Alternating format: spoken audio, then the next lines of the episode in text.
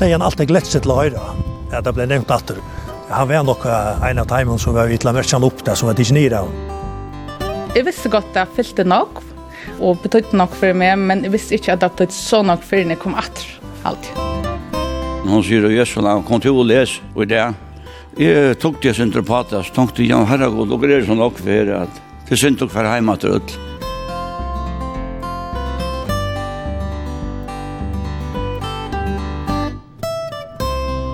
Gåan vær, og velkommen vi Nutsjan Tur.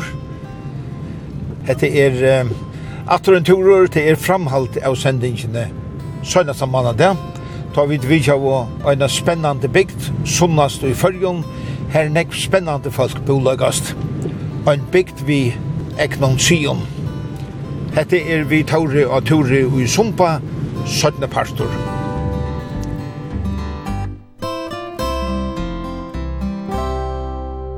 Nu er jeg stator i Millegæren under Sumpa, inni tja Betty Paulsen.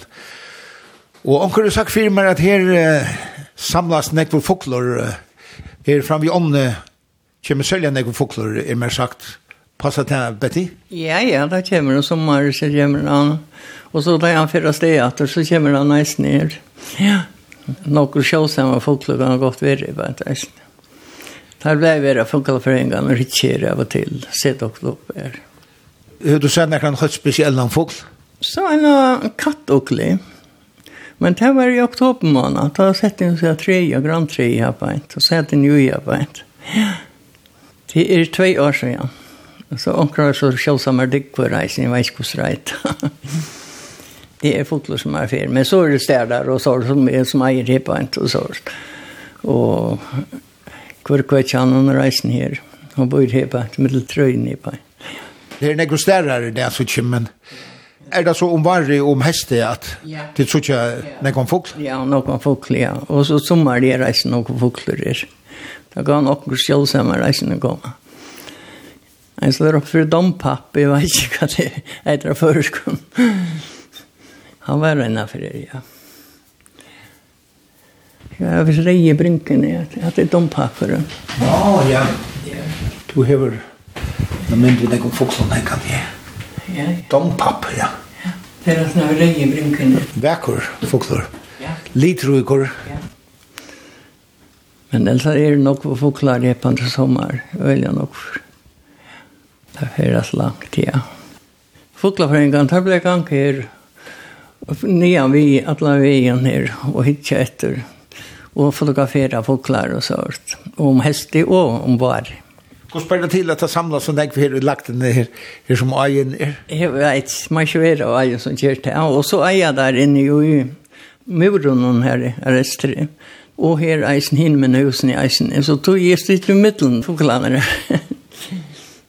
og til till ajen rundt eisen som kör till. Och ajen är ett stora ajen.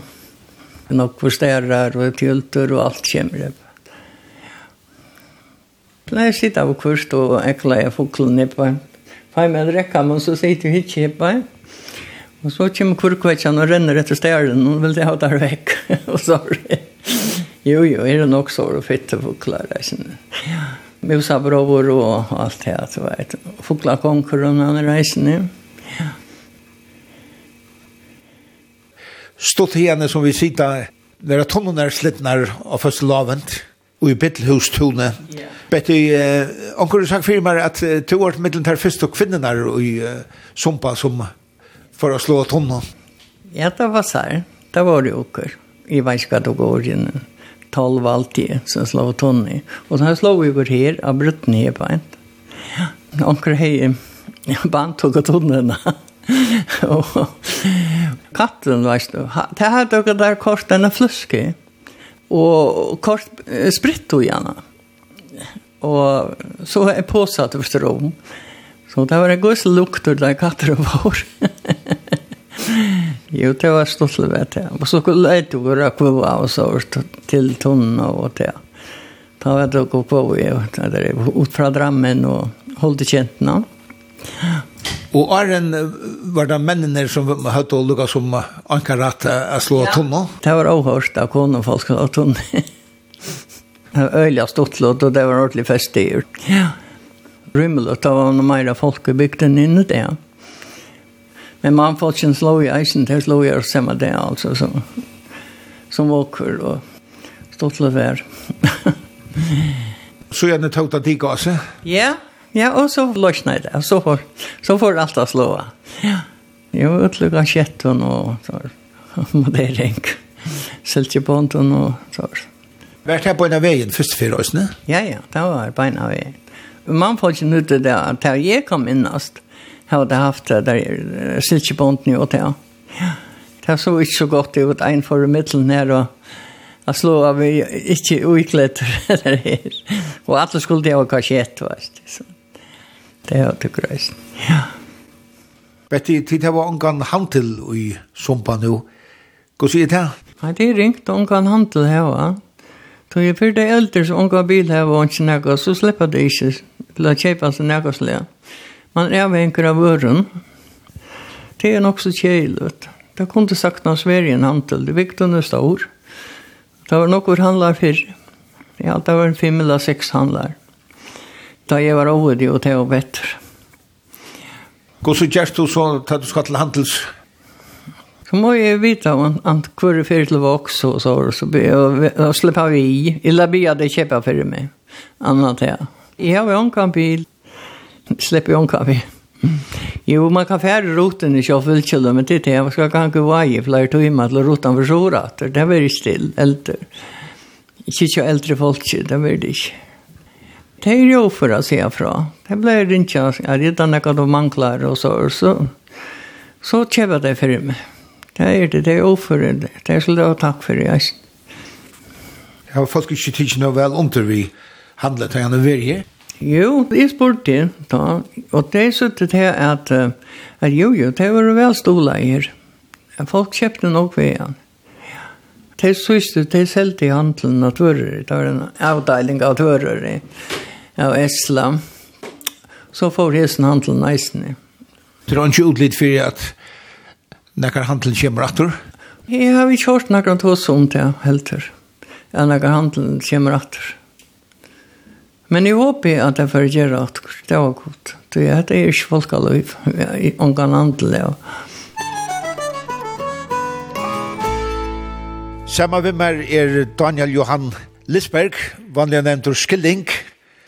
Hette er Sumpi er kyrkja, og Daniel Johan Lisberg, Her har du lyst i mange år, vi dekner.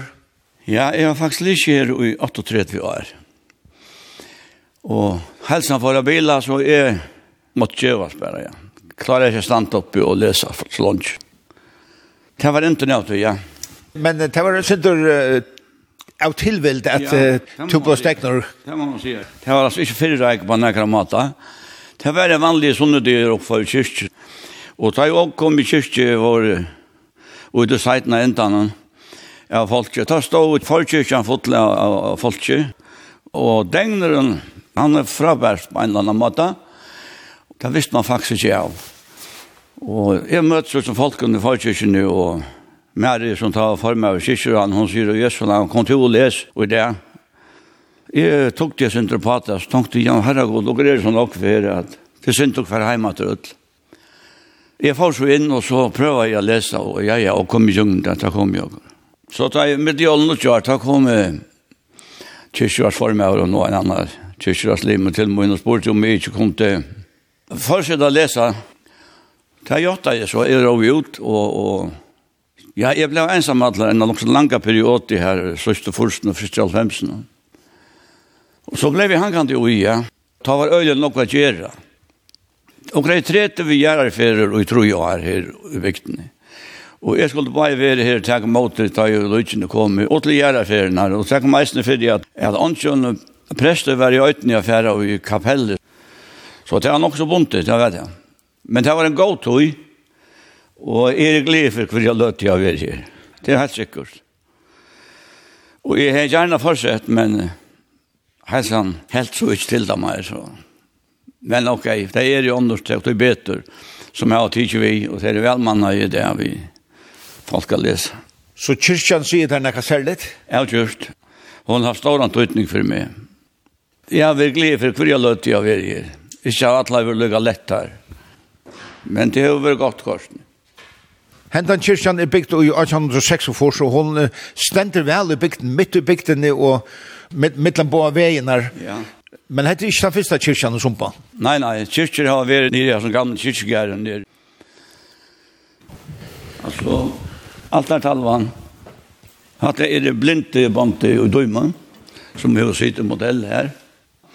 Og han var slekta her fra Sumpa. Runne, prester, det er han som funnet han har gjort det. Sven Rønne, ja. Ja. Og i halte han var batje, en prest som heter Runne, som var her i førre. Hette øtje her, hette er mentan av debelen. Kyrkjan er her, skolen stender her, og landstående her. Det var gammalt sagt at på et her her oppe fra Hurko og på Hamre som vi er kommet. Ta et derfor i kyrkje i gamla DR, så får det ikke til huset, altså, sånne kvult, det ble dansa sånne kvult, for det er det veri. Det er leie salmaborsen og på bytan, ta et derfor på gulvet. Så ta tog ikke at han det er en vita derfor. Det vekker blå og liter netter ja. gulven og, ja. og i altaren. Ja, for noen år siden, da ble en omvæling gjort her, og med den andre til la linoleum av gulven her, så han ikke visste hva det var i noen tur. Det ble så alltid ikke opp, og benkeren tek noen borster, og, og gulvet ble ikke opp. Nå visste jeg at det var finnast videre i noen tur her, så det ble alltid ikke opp, og Det var Johan Kjøsinger stod fyrt, og han tok det til voks, pusset det opp og leid ui at han. Og leiparen, han var reier og æren, men uh, Karen Brattaberg ble vi innom å gjøre et oppskått og få just en leipare. Og hun fyreslå hese her blei farvene, det som hun sier ta at uh, Hvis du husker at de kommer ut ur Bergkollen og ser ut i fjøren, den pene blå fjøren, tar jeg henne blåer. Så hon helt at jeg rikket vel, Og så hever, hever de gjørs minster ui løparen. Vi bildt jo noe som skulle eisene sværa til hever. Så tal det rikka røyla godt.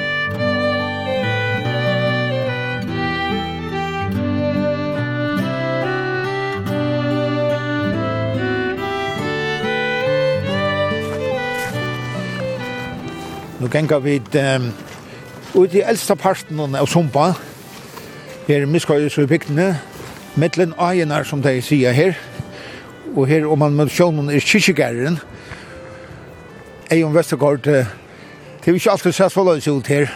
Nei, tog i verre sett forløys ut i det, ja. Hette, hette den gamla bygden som stod her, den gamla sumpa som hun kallar i Gørøen, heim i Gørøen.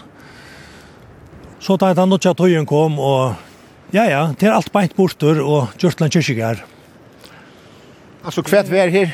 Ja, her stod det gamle husene, flere av dem, til dømes leangarer og gammelstova. Det stod bare her innanfor her. Og leangarer, han er kjent til lykke atter i sagn og eventyr. Vondagarer som på, ja. Han stod, han stod faktisk inne i utkirkegæren her, og så stod vi omner hus eisene, langt roman etter. Og akkur sikst var fjerde fyrre bakkan, bakken er kommet nærmere. Og det sista så var etter av de gamle bygdene, det er så ferdig og greie en utskiftning her da, og Men tar leie så tar nokja kyrkjaren her, til den gamle her oppe ved kyrkjene, hvor vi har blå fotler. Og så skulle det hava nokja kyrkjær, men jeg vet ikke, det er nok så løye, er at det er foretrøsmerker merker som på. Jeg halte eit annet stikk kunne være, så var bedre egna. Og lærte hette finnes fri, men tog være, det er for så. Det var ikke viring for det gamle ta. Og det er ganske man, man hoksa meir om nu. Han ikke hoksa om det, det var bare å få det vekk. Så det er noe jeg slår frem med. Skal vi fære om, inn om, jeg synes det er vinter akkurat her som bestand her. Det vil si at han ikke kyrkjegæren ble kjørter om han iver den eldste parten av bygdene. Ja, og vi så, så, hvis du hikker det her, så ser du esten for bygdene. Her la så den gamle kyrkjegæren. Nå ser du bare en vekk av natter. Og han sneit nekka, det var lærere lentet og at han har fyllt det opp i målt. Så den nødde kyrkjær, han er ferdig inn, i, inn i den gamle kyrkjæren, den som aller eldste. Her er så attegrivet, og jeg vet ikke, det ble vi, jeg vet ikke hvordan man skal si det, altså, bygd en stor betonkumur oppe her, og det var pent lent igjen for Aion og alt det, og den gamle kyrkjæren. Og nu ser det ut bare som bygd opp for en gjerrekomur som setter mot jottene. Nei, det, det er øyla, ytla stedferdig alltid. Hette så att några som er hänt att det sajten. Det var forsen alltid att där leje og handa kyrkan og bänt för ju. Så det er nog så tjejl. Då här är också så her nere i hjørnen, helt där nere i backen. Her var en grøv, hun ble alltid kallet for grøven som koningen. Men hon så blev en tjej meter under länten och där fyllt allt upp här och det var en som tatt om han här norr och han räck upp här, Lutjau, han blev så griven här. Det så långt så om det. Og den gamla kyrkjan, hon stod jo eisen her. Er så ikke etter at hun som stod her? Leangar ble tidsi nyer, og neke av honom, i alt det mest storviren. Det er likken når i havn, i alt det ut i Debsartrø. Det er ikke nåttere griper sann, jeg helt til her, vi er en kjattlar her. Her ligger det som er etter av Leangar. Men det er vel noe større arbeid hvis det skal komme opp atter. Og det er vi så spurt med fyrre om, Her kan han ikke standa, så er stendt inne i kyrkjernen, til det ikke gjør han. Nå er du selv i nevntene for eh, Folkminnesfellet og Bygdashavnet. Her var det også om uh, at Røsland oppe til Leanker. Ja, det var en tant ene for, og Palle Gregorsen var livende da, og, og, og jeg har prat vi han. Han sier med den andre at jeg hadde han alltid glett seg til å høre, at det ble nevnt at Leanker. Han var nok en av timene som var vitla la merkene opp der, som var ikke nere av Och det som, som han säger det, så det blev ett så stort projekt att det ska något pengar till. Det är inte bara bara. Och Leon kan vara gammal? Ja, alltså han är så gammal att, att alltså, han är alltid nämnt det. Han är nämnt alla ständigt och alla sör och, och lycka att det sagnar och äventyr reisne och det var nog en gammal här som på Dolly Quittner som gav till det här en sör med. Han mente själv att, att, att hatta var inte den upprona Leon Det var en annan som var äldre att som, som sist sägs det vi är en stockarstova, jag vet inte, men så skulle det komma möjligt ha stäget långt ner i andra vi mot sjön. No? Så men navnet lägar alltså hur så alltid är det. Så hur så gammalt det är, jag vet inte. Det är helt gammalt. Men eh, det stått att länge är alltså att eh, det inte blir stor ansvar för det gamla alltså. uh, jeg, altså jeg alltid kan bare si det som det er, Ontjön, han er slett ikke är det. Ty og her var så nok det er så nok som er bant fyrir her, altså og her var hurtig nice, nei. Henta henta gamla bygda så var her. Hon får så och under en kyrkjegær og hurtig hon får med partner i en køyrve. Og så har jeg en gamla bosetning at rett eisen hon oppi her om man fyrir plenen av krossen og så kallas husatofter. Og det var en bosetning som ikke visste hvordan gammel var. Hon er eisen i fern under hjørna Og så det som går opp til neste øyre er alt det gamla som vi är ta fiskehus og alt det som vi til ute i möllen för. Det ble alt det måltrekk og isnekort det og javna jävna vi gör Kan man si at, at han myndelagde som måste jag attan för allt det der, altså si at akkurat som det er til Sumpia kommuna. Altså tar jeg var sett för her og tar där til dem som en gammal med og för mer. Ta en utskiftning for fram her og Vi kör inte trussel, så kör trussel. Det är till dem nästa år her ute. at det var allan at det lente skulle tekas på rev, at det skulle bygge den eia, og det skulle stande og få fri, som er gammalt minne. Men ta en utskiftning var ferdig, og alt var, ta stå Sumpia kommuna som eier jo at du, og ta gjør de akkurat vitt hva de vil til, og ta var å få det vekk. Som alltid, ta forbæra. Ikke har fyllt til det, altså, det er flere som har vært tidlig støet til alt at det er oppskjøntøyene her, og neste år er det er for så seiten, i att du vet, altså, det er något som er minnest alt at det er, det kom nesten stå her, og ja, og nei, ongen, det var ongen ansvar for det, altså slett ikke. Det var bare å få det vekk. Og, og det som han så, så, så stå han i fotmunnet fella seitene, og jeg røyne til noen stumpar som etter er det, bjerga ja. Og, og jeg vet ikke, men, men det er løyt interesse for det alltid. Men det vil si at uh, at land, at Endrøysa, Leanger, de eldste husene, kunne sleppt, Ja, för det måste vi komma, det är det nog inte, men kanske några grannar er som kan finna på kutt. Men så kommer man inte standa här, så må man standa och röra sig. Men man vet allt. Men kvärt heldur du att bygden är mist vi att att det är färre fram så lös att allt det gamla är bostor? Nej, jag vet inte alltså det är öjla nog så ut i. Och det är öjla tjejligt att, att, att du kan slett inte visa stöjna med det. Det var det, men nu är det, är det bara väck. Alltså tog och se här och nu stann det gröna fläger alltså. Och där så var ända toften som stod efter så vet jag hur så är det kan du kunde vara så. Men det det det är så brotteliga bant för då alltså då vet. Då går det att lås nästa år där. Och det står ju att det pente det och gröna pena minnesvärda som ständer av stenarna. Det är sånt där gick för sig men det är så det här men det är väl öliga pente visst att kunde stäja det. Alltså det sexta är det här att att alltså batchen det skulle kom långt ner alltså. Jag minns så smadrongurt då en ta den första backavägen blev gjort. Och hon blev gjort upp för kyrkogården. Då det kom så långt nian. Och ta minnes det att uh, Theo så var gärna för alt gjersen eller när det var. Da fick man fortalt att uh, att her mente at en gammal kyrkogård var nian för hantan at tog at uh, det skulle ta sikst at det kom live til av, av, av veinen ut ur bakken og det skulle være av folk.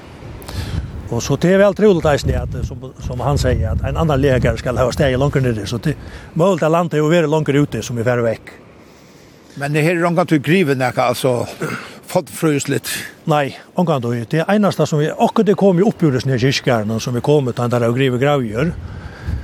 Jag vet inte då så är det och att här har vi här så man arke var långt det vita där gråa och så det och det är inte vi. Och det är forskjelligt, det är loter som är funner och och så små ting bara men annars är det inte griven nej nej nej Och nu är så allt skrivet om nu ser du hur det nu är det allt nu är allt gräver ja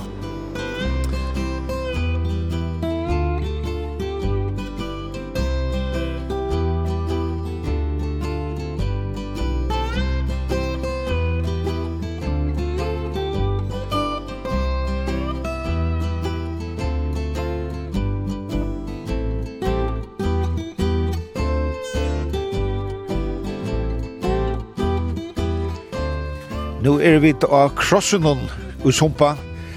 Til her fotballsvøtler ned og av fotballsvøtlen i sumpa stender en solorsko skipan ut det annars vi som er kommet oppi årene minnast ta og i sumpinkar våre og i bestodaltene og i fotballte og klarar vi så vel og tar våre øysene om at komme oppater ærefer Så jeg hendet til at Sumpia Udrottafella var lagt sammen vi Vox Udrottafella og ble FC Sorøy. Så i det er en solorskoskipan av vøtlen her i Sumpa. Til Sev som hever henne, Johannes Norberg, du er til verkmøster for elverket til Sev i Sorøyene. Sumpingar har sagt for meg at tid atle at utbytja solorskoskipanene her og krossen. Ja, til atlan utbytjana. Som nu er så så nu tog det halvan til till till solpaneler och hände skipan blev sett i drift och i november månad 2019 Et enda mal vi, vi kipan til å være vita hvordan hvordan stod seg i for veksjonen og det er jo ikke at at det er rønst vel her er ikke skal jeg være nøkker og og kipan er rønst som atlan Og framleislan om året, hon lykker om 175 megawattimmar.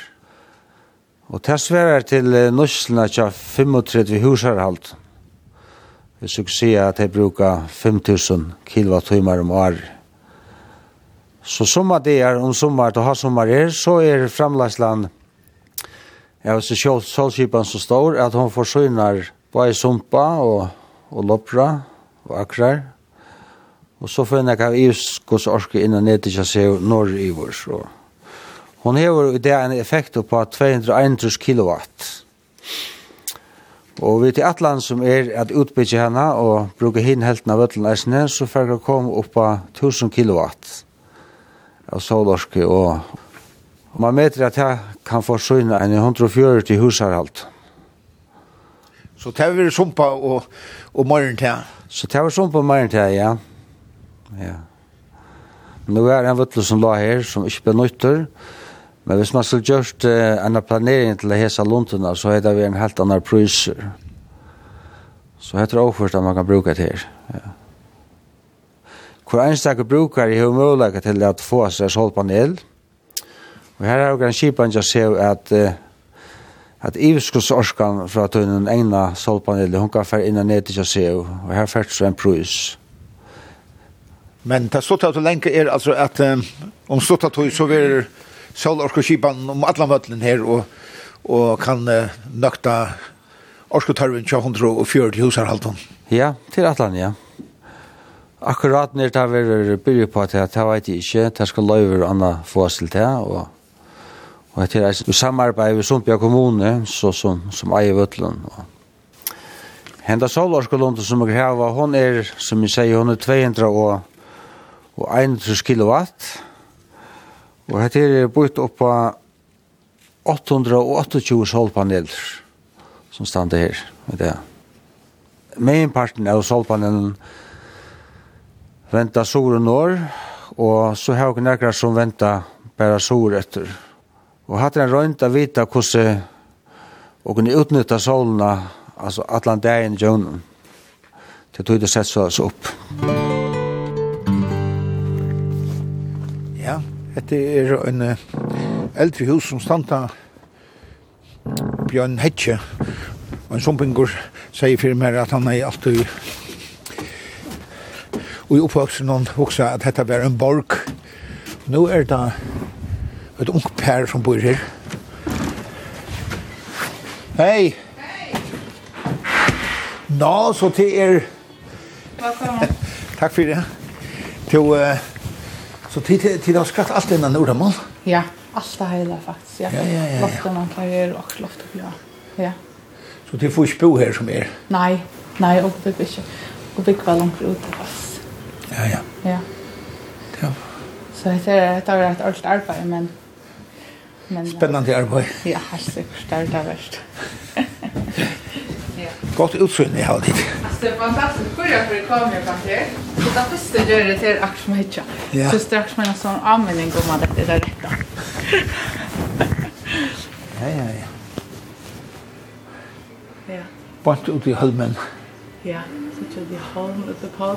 Beinusur, Nena Kross. Det viktigaste att det är det här med Olaflet. Det er fast alarm landet, så så tjej. Det här är kvar gång Ja, ja, ja, ja.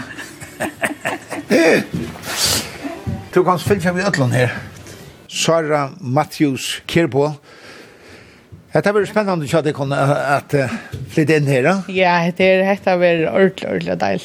Eg gleymi meg at få ser utsiktna kvunda og vakna upp leitar. Hvor er det som fyrir bygg vi her? Det tar vera e, og så kjærkren kommer torskjedd høystet. Han er ombord akkurat nå. Ja. Du finns ju drian av samtid og sår her. Ja, ja, ja. Det är ett nice. Nej, det skulle inte något uttalelse till. Ja, det viktigaste det är bara akkurat att det var ett samma bygda löjve som, som han var vänner vid. Ja. Och det var han så fint ju. Och Erik var så glad för det. Att, att det är ett nice å komma så rätter. Det var sent driva sant. Om det blev det. Eller om det blev sant och grovoriga sant i hukte. Ja börja skala först några år. Och så vet jag, jag var sant, om mamma är flott sår här, hon i skala. Ta i flott sår, og så vet jag inte skogfärra vi i handtave, eller skogfärra til sans. Så, men jeg er glad for det jeg ser av gärna.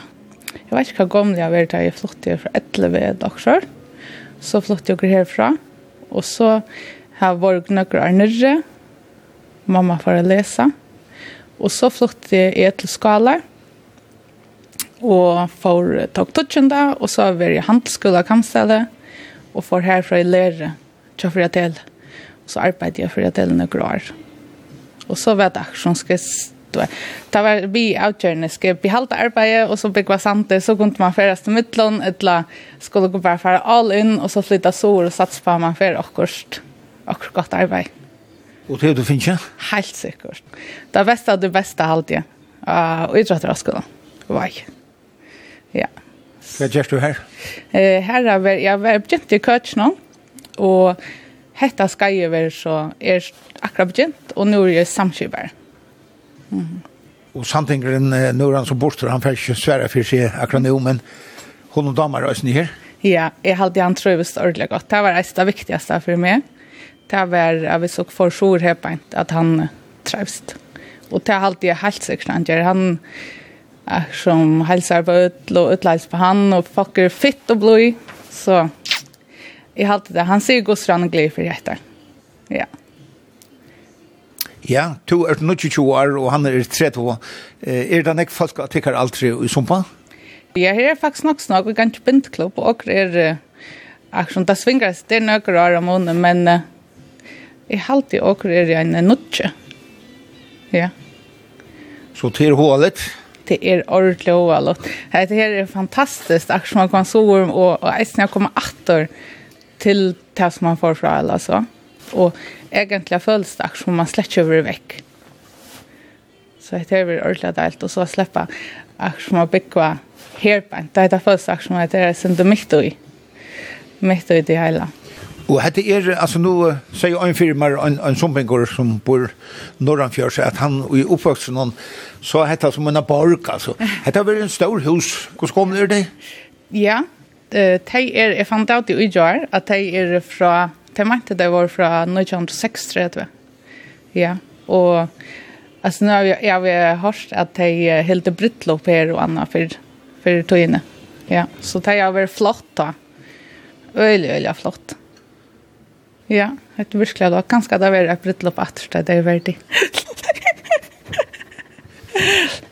Hever han by opp bønner år? Han hever, ja, ja, han hever. han hever. Det er det, det er just nu verdig, så ganske man kan ta over det nästa man for å blandlegge. det er hos husene nu, det er tom og i nok snakk år. Nå vet jeg ikke ordentlig hvordan nok, men det som er minnes, attor och jag har alltid onkel annan över reisen ta som det att det är att då går fotbollsspelare ta sumpa vär ta bo några fotbollsspelare bant det är det sista är minst och det är något så ja men själva det är steg tom och som har varit jag syns inte författlån så har det varit Alltså det inte men förra gången var det väl överraskande och hur konstant det har varit. Jag har lagt akkurat rockna på i att man kunde renna sig nu i anktrobelagar Störvir när går. Helt och också jag går. Det ser jag där. Det är inte något som jag förstått på, men det ser jag det är gott. ja. Det är fantastiskt att att det är en god och på ett sådant projekt. Och det är äcklig hö, alltså tar man också om att det är byggt i trädvån, så det är vanlig hö.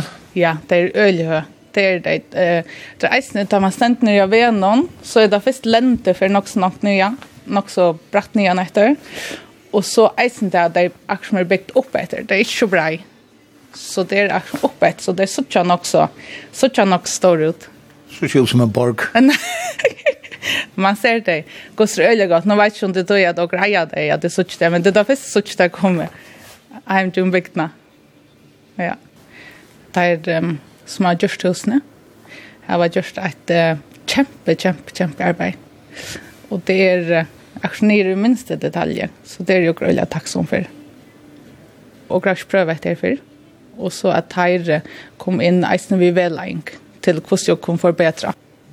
Kåker og stål over her med Janne? Ja, kommer inn, og så er det en ganger, en løyteves, garderoba og trappa. Og så er køkron, kommer over her, vi etter større vinter i framvi her. Og så er stova.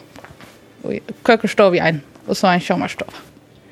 Och så pja vara och för ha tre upp pja och ett väs. Ja. Och så ena för ganska framtiden när vi som har bruk för det så inrätt och kallar. ja, ja, så heter det spännande. Kvärt syr tojar Atlanten. Oh, och det har faktiskt inte några tojar Atlanta. Det viktigaste är att som jag själv vi och ges ner. Och man märker efter för att man klarar till. Nu är han ute. Han är ute fem veckor och hemma fem veckor. Och så satsar gå på att få Jörsson också som gör till henne hemma. Så går Klara Noxen och själva till planen. Ja, han heter så ekvia spännande ut. Ja, och Eisen nok stått litt på den yngste vatchen som er. Han er over vidt just heter han ikke til ena tempman som över vi. Så att det är nog stort action då är det nog stortliga faktorer och just när så har hörsta gärron. Det vet jag kanske kan bekräfta mig ut och att han har heter. Men Garon som är från Vita man kör ner till Lusne. Han det är så gammalt lea. Och där vi har är från gamla stav och leangare här som Kerponnanne. Kemfra och från Kerpnan. Så visst det är så vill det vara inte annars så blir det också något just runt om. Nej, det är väl ordentligt gott. Alltså det ankdoi så kan det faktiskt føles kanske som att man gapar och är så störst tar det gjerne til det, ta slepp i utlån, og så fer i estre, og da først det gjør til at fer i oppa, og så hitje. Så stand i aksjon touch om natter, og hitje, og så fer i ut etter og veit aksjon, så er fullt motiveret om etter. Hva er du ut i Hølmen? Hitje faktisk ut rundt bygdene. Jeg rakna vi for hitje ut mot Holmen, men hitje faktisk ut rundt bygdene. Så er det ikke nive? Nei, ikke. Jeg behøver ikke. Nu säger du, du bor ju här till du var ett år och kom, altså... Men hva merker du sumpa fyrir til? Oh, det er merker øyne nok alltid. Jeg halte, jeg visste godt at jeg fyllte nok, og, og betøyde nok for meg, men jeg visste ikke at det betøyde så nok for når jeg kom atter, alltid. Og det var godt å være vekk, eisne, og jeg finner ikke nok ved mer, og viktigast uten det er torskjell. Men uh, det her vi, at man kommer atter og ser hvordan heimlåt, lukka mye hver man er, hver man får utleis, små last og ja. Etter heim, heimbygd. Ja.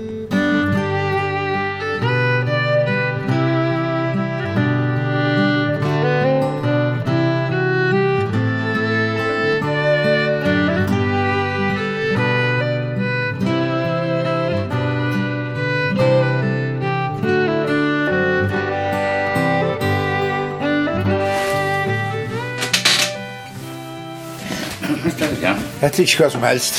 Nei. Eli Poulsen, vi der og starter i dansestålen i Sumpa, og nå viser du meg ja. et høyers pregg. Hva er det da?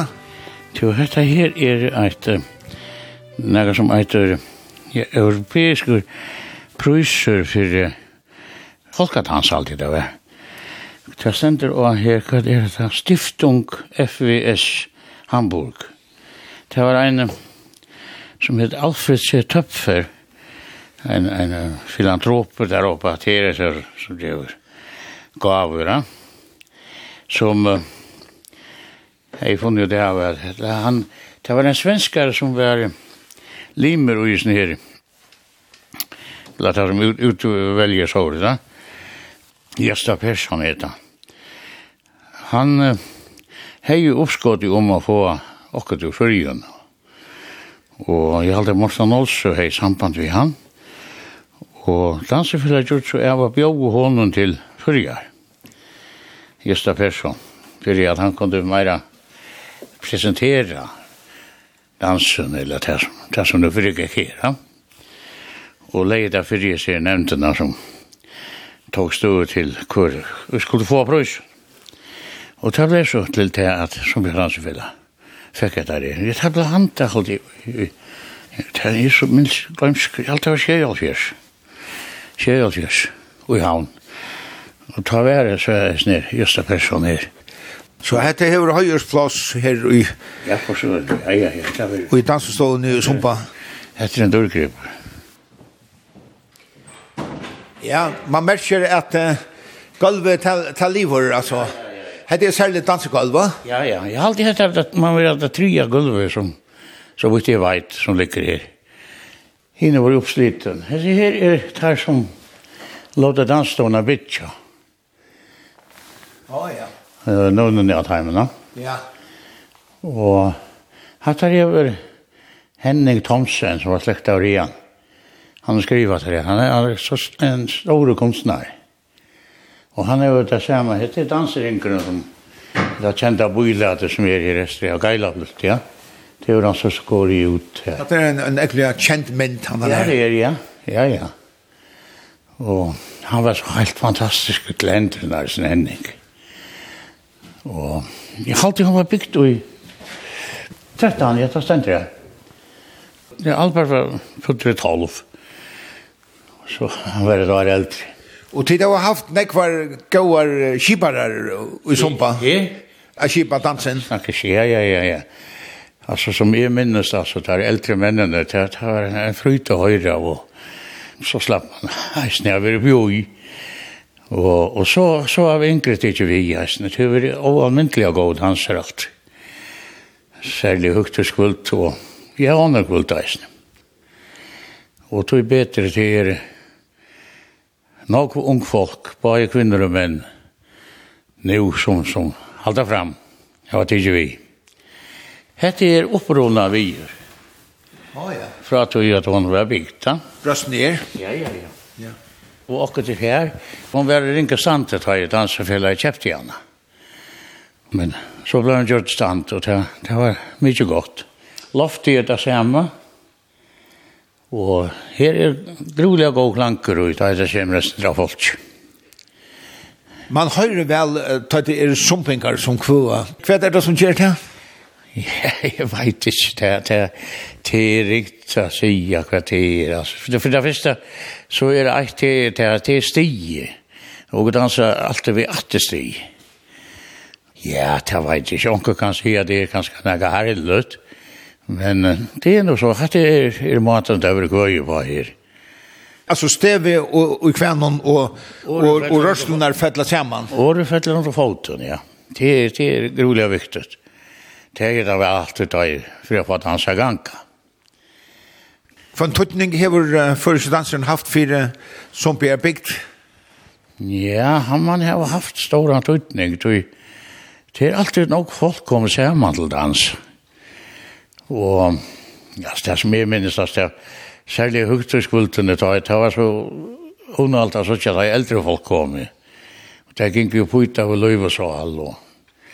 Så var det til at det tar jo og ringer tog vi, og var flere som var i, i, i noen aldersklasser, og prøva jeg kvøa og så, men du fikk sannelig at rysela rås, ta jeg og steg ikke, fra de gamle tvann. Og det var så, det var, det var så, så vekkert å suttje så eldre mennene der og konene da de danset i det. Det var så, det bare seg så vel. Ja, ja. Og det var det han som tar igjen og hundra folk, det er ganske godt det, altså det, det var stukant, sikvande folk. Det var øyelig det, det var jeg vel. Og gulvet, det det var lute i ordentlig. Ja, ja. Ja, ja.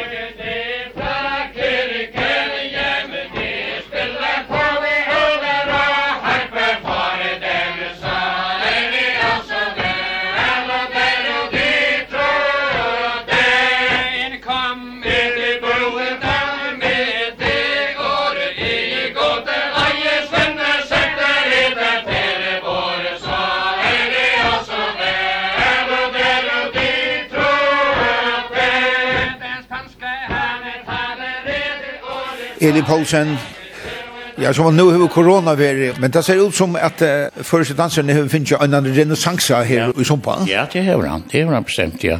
Nu kommer jag inte så något till dans mer, men eh, det vänjer jag nu till uh, en nordlig fyr i Sörige kommande sommar. Det är ungdomar, alltså, i där, ja. Det kan gå högt upp på ytterligare, det som tega seg av til mitt landa fröjpjöker in og, og så några där har unga damer. Så jeg er så kände jag på at jeg vil danse. Og så där jag ikke få gløyma for slamen att ta ta alt opp av pagatera. ja, ja. Og de unge danser på samme måte som de gamle? Ja, det er det samme. Ja, ja, ja, det er det samme, ja. Det er ikke lukkelt att stå inne i rinchen. nei, nei, det er bare så. Ja, det vet jeg ikke. Det er fettelig nok bedre, sånn er det vene vitt, ja. Han kunne jo sagt at, at man dår ikke dansa, men ja, det er nå bare sånn. Og nu er huset jo gående stand til. Trygve Thomsen, sa alle, som var for meg, han var så avfører. Og han fikk så skipa i så fyrir at det ble bygd opp hujer. Det var altså frivillig arbeid, og, og så var Magnus Jensen, tar var ju oförer alltså. Så fikk det just en aldrig klack och så att her kan jeg drekke om det göra slåkes hår. Det här tar ju vi anka danser for det här vare så har man borrar det reisen i middelen, ja. Så det här har varit gott sammanhalt. Damelar. Det är skipa i eisne. Ja, jag bättre ju och, och, och ära till det var ju skipa. Borklöv och godkänt till dem så. Og for å gå. Det er et godt mål og størst brost.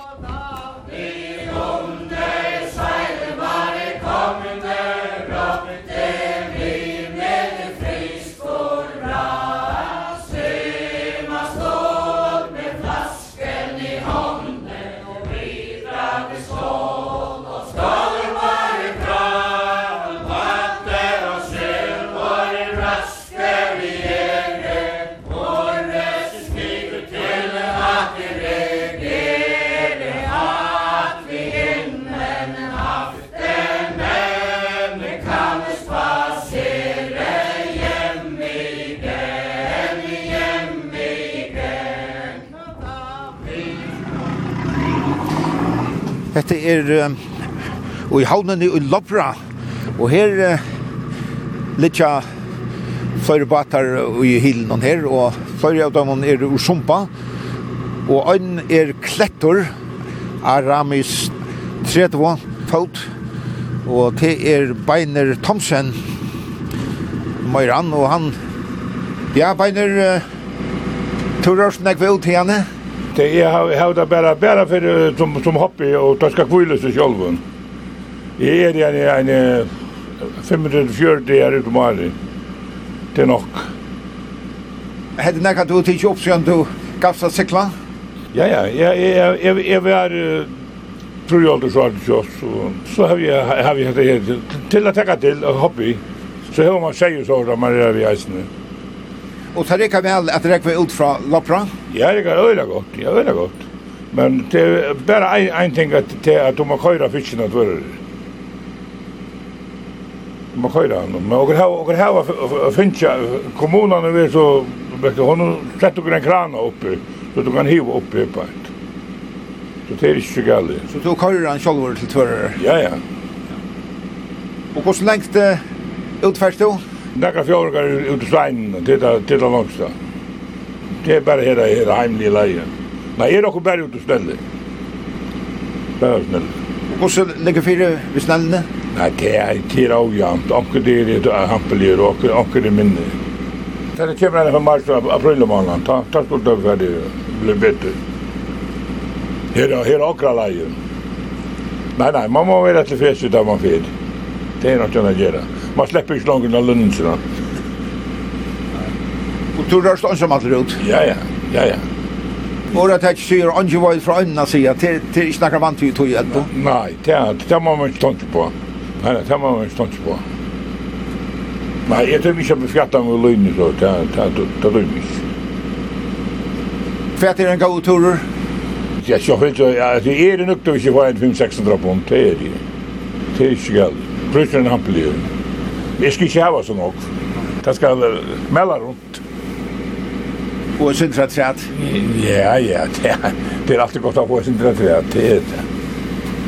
Ja, ja, nu er hun pensionist, så det, det, det skal ikke være for nok.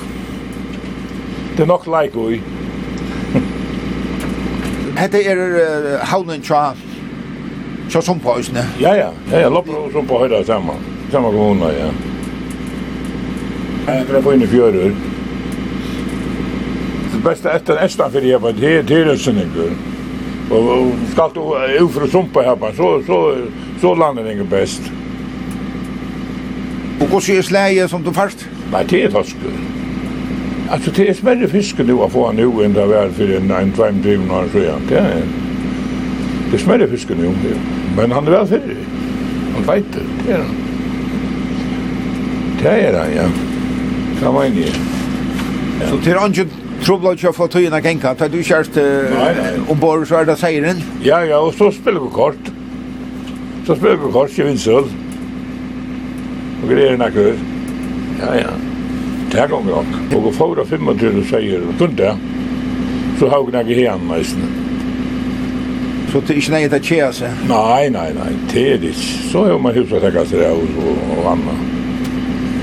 Men hva er det så vært optimala för det alltså att det var en mottåka här eller Nei, det är väl ju gott för att vara inne i varje. Så silt man bare in til också så, så. Ja, så silt man till vägar. Så det är färdigt, ja. Stått til voks igen. Ja, ja, det är nok. Det är väl ju gott.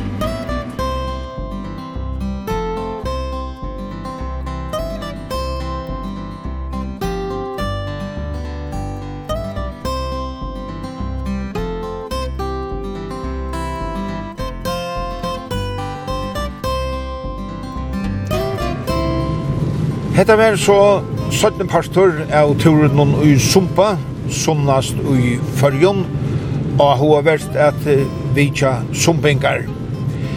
Hesen turen er atter at høyra i utvarpnum torsdag klokkan 11 og leierdag klokkan 4, og det er òsne til at lusta bæg etter hesen og til fyrra parten ur Sumpa og ötlun hinum turen og heimasugin i kringvarpnum skriva kvf.fo Framskak TT.